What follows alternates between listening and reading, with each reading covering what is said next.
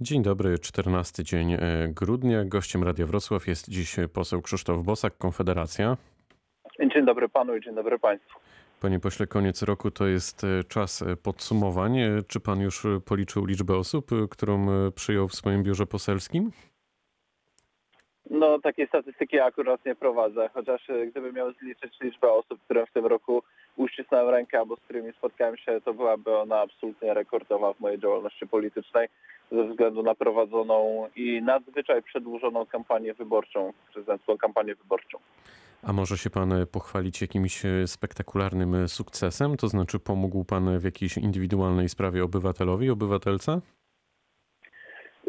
Starałem się pomagać w takich sprawach, natomiast to nie są sprawy do rozmowy w radiu, dlatego że opierają się często po prostu na tym, że ludzie y, opowiadają o jakichś swoich indywidualnych problemach i y, niekoniecznie chcą, żeby to powtórzyć y, w radiu. Niekoniecznie też ludzie, którzy zwracają się o pomoc do posłów, mają świadomość pozycji posła. Czasem są to sprawy kwalifikujące się po prostu do zwykłej pomocy prawnej. Dlatego też staramy się pomagać prawnie, po prostu udzielać zwykłych porad prawnych. E, świadczą taką pomoc prawną, czy to prawnicy, czy aplikanci, którzy po prostu w ramach wolontariatu niekiedy chcą wyjaśnić ludziom, jakie mają prawa. Do posłów często do biur przychodzą obywatele, którzy powinni po prostu zwrócić się do zwykłego prawnika i dostać taką najzwyczajniejszą w świecie pomoc prawną, żeby znali swoje prawa, rozumieli, jak poruszać się, czy to w spółdzielni, czy w administracji, czy w prokuraturze. Ludzie często niestety tego nie wiedzą, nie znają swoich praw i myślą, że polityk im pomoże. Niestety też część osób zwracających się do posłów czasem nie ma świadomości, że poseł opozycji kompletnie nie ma wpływu na to, co robi administracja i wyobrażają sobie, że jeżeli ktoś jest w Sejmie, no to na pewno pomoże załatwić każdą sprawę. No Ależ to była... Coś wygląda zupełnie inaczej. Ależ to była wyczerpująca odpowiedź. No dobrze, to e, w takim razie spójrzmy w przyszłość. E, wszystko wskazuje na to, że na początku przyszłego roku będziemy mogli się zaszczepić na koronawirusa. Czy pan będzie w gronie tych, e, którzy się zaszczepią? Dotychczas jak mnie media pytały, to mówiłem, że nie, ponieważ nie, nie czuję takiej potrzeby i też nie czuję się w żaden sposób przez to, jak, w jakim pośpiechu rząd to wprowadza, upewniony, że do tej sprawy rząd podchodzi z należytą starannością. E, przypomnijmy, że w zeszłym tygodniu został ogłoszony dokument w tej sprawie i myśmy przedstawili w piątek taki swój kontrdokument ze swoimi uwagami, gdzie wskazujemy, że rząd niestety nie podszedł do tematu z należytą rzetelnością. No i ten dokument nasz, ten krytyczny, można znaleźć w internecie. Przygotował go e, radca prawny mecenas Michał Wawer, więc y, my po prostu staramy się uczestniczyć w rzetelnej dyskusji na ten temat. Ja rozumiem, panie pośle. No, domagać to... się od rządu, żeby podawać społeczeństwu informacje rzetelne, prawdziwe, y, sprawdzone, prawdziwe, a nie robić marketing koncernom farmaceutycznym, bo wiadomo, że produkty przygotowane przez koncerny są w pośpiechu w tej chwili wprowadzone na rynek, bez, bez wymaganych wszystkich... Ale to jest, to jest prosta sprawa w sumie. Czy w takim razie, gdy dziś o tym rozmawiamy na początku tygodnia, to coś się u pana zmieniło w tej sprawie? Czy pan będzie w gronie nie, tych, którzy nie, się ja, zaszczepią, ja mówię, czy nie? Nie, natomiast Natomiast ja mówię, że nie, natomiast udzielam takiej szerszej odpowiedzi, żeby ktoś przypadkiem nie traktował mojej odpowiedzi. Y, to jest tylko ciekawostka, prawda? Ja nie jestem w tej kwestii żadnym autorytetem. Y, każdy obywatel musi sam na własną rękę w swoim sumieniu podjąć y, w tej sprawie decyzję i to mogą być trudne decyzje, zależne też od wieku, stanu zdrowia. Wiadomo, że zachorowanie na COVID ma swoje ryzyka. Zaszczepienie się może mieć swoje ryzyka, o których jeszcze nie wszystko wiemy i po prostu każdy tu musi komuś zaufać. Więc ja nie chciałbym się ustawiać w roli autorytetu, bo po prostu w tej kwestii nim nie jestem. Rozumiem, czyli tutaj kończąc ten wątek, pan będzie na nie.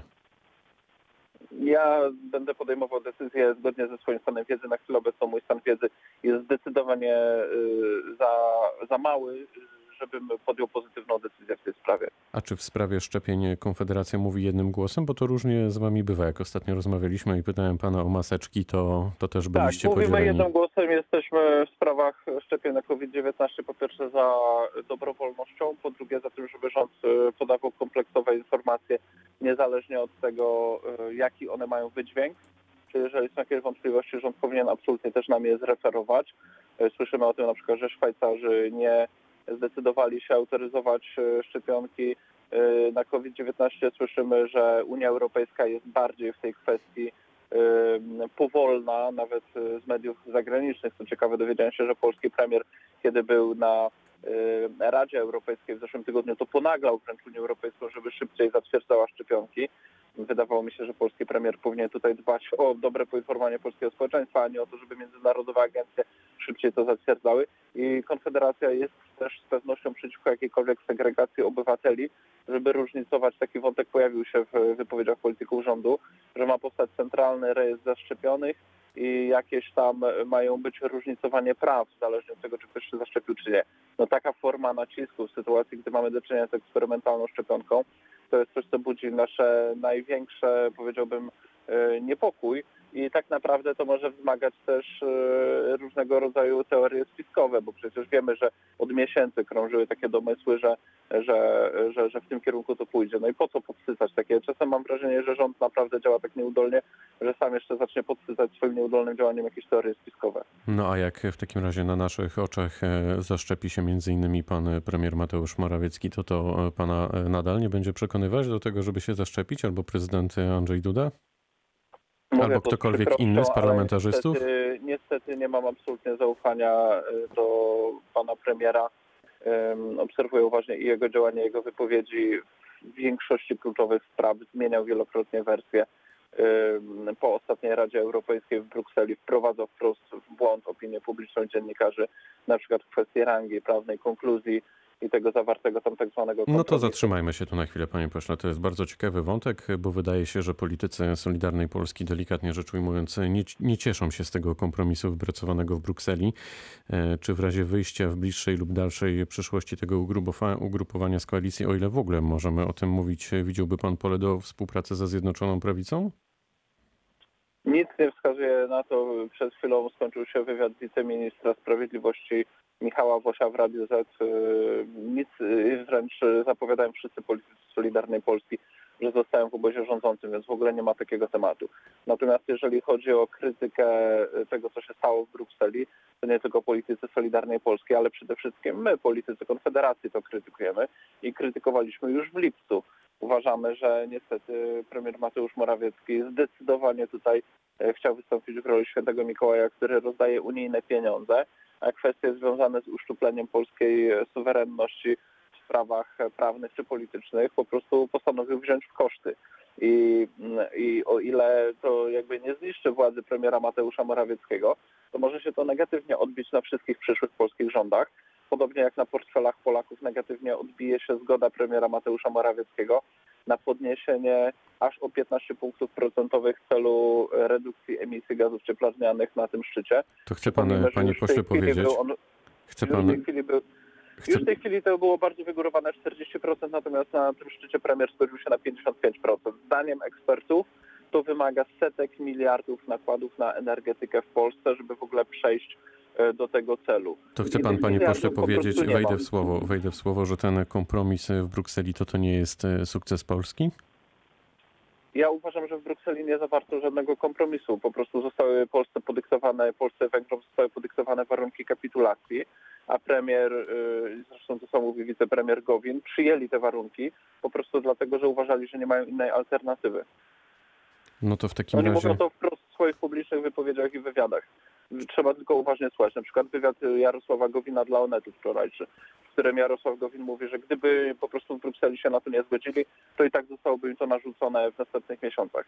Znaczy y, ci politycy, którzy w tej chwili są na czele naszego państwa, podobnie jak poprzedni z Platformy Obywatelskiej, mają poczucie całkowitej bezalternatywności prowadzenia swojej polityki w Unii. To nie są negocjacje, to jest po prostu teatr i to jest dyktat. Ale widzi pan, bo kilka minut temu powołał się pan na pana wiceministra Wosia. Ja słuchałem z kolei jego wywiadu, chyba to było w sobotę nawet na pewno. No i wtedy, jak się wsłuchiwałem w każdy wyraz wypowiadany, to miałem takie poczucie, że oni za chwilę wyjdą e, z tej koalicji. To swoją drogą może pan by widział pole do współpracy z Solidarną Polską. politycy Solidarnej Polski zdecydowali się e, wyraźnie, to nieczęsto zdarza się w rządach koalicyjnych, zarysować swoją odrębność w tej kwestii i swój krytycyzm względem no, dosyć fundamentalnej decyzji premiera. Więc e, stali się taką e, partią ni to opozycyjną, ni to koalicyjną, ale pozostającą w rządzie. E, Co w tej sprawie się wydarzy? Moim zdaniem nic się nie wydarzy, dlatego że są niezbędni do większości Jarosławowi Kaczyńskiemu, liderowi obozu rządzącego. Mają tak naprawdę w tej chwili jedno ministerstwo, czyli Ministerstwo Sprawiedliwości I, I ta sytuacja jest, powiedziałbym, wygodna i dla nich, i dla Jarosława Kaczyńskiego. Oni będą dalej uczestniczyć we władzy, Jarosław Kaczyński będzie dalej liczył na ich głosy, a różnica pomiędzy nimi a premierem Morawieckim i Jarosławem Kaczyńskim w ocenie sytuacji w Unii Europejskiej po prostu pozostanie z nami już na dłużej. Także ja naprawdę nie zajmowałbym się tak bardzo tą sytuacją wewnątrz koalicji rządzącej, a bardziej zajmowałbym się istotą sprawy, a istota sprawy jest taka, że w Unii Europejskiej zatwierdzone został zatwierdzone zostało rozporządzenie, którego tytuł po angielsku brzmi e, Generalny reżim o warunkowości w celu ochrony unijnego budżetu. I w tym e, rozporządzeniu o praworządności to jest jedna strona, a wiele stron jest o zatrzymywaniu funduszy. Znaczy, kiedy mówię jedna strona, to mam na myśli stricte przepisy definiujące praworządność, bo tam jest najpierw takie ideologiczne wypracowanie o wartościach unijnych, jakie rozumieją autorzy dokumentu z Parlamentu Europejskiego i z Komisji Europejskiej. Później się zaczynają przepisy, definicji, co to jest, i tam się pojawiają przepisy sformułowania, że jak, że jak władze państw postępują niewłaściwie, no to wtedy można zabierać fundusze. Albo na przykład jak postępują arbitralnie. No to na przykład moim zdaniem Unia Europejska postępuje arbitralnie i Ale niewłaściwie. wie pan, ja tak sobie myślę, że skoro e, wszystkie kraje wspólnoty działają w ramach tego systemu, ekosystemu prawnego, no to, to znaczy, że może on nie jest taki najgorszy.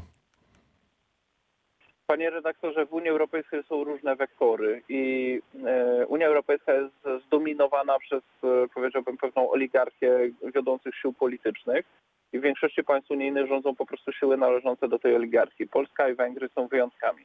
E, podział idzie po linii poprawnej politycznej. W Europie Zachodniej i większości państw Europy Środkowo-Wschodniej czy rządzi tak zwana prawica, czy rządzi tak zwana lewica, to akceptuje taki poprawny politycznie konsensus dotyczący integracji europejskiej, czyli że tą integrację europejską stale pogłębiamy, budujemy nowe europodatki, budujemy centralny budżet Unii Europejskiej, wzmacniamy Brukselę i tak dalej, i tak dalej. A pan lubi Unię Europejską? Widzi pan, jak dzięki niej zmieniła i zmienia się Polska?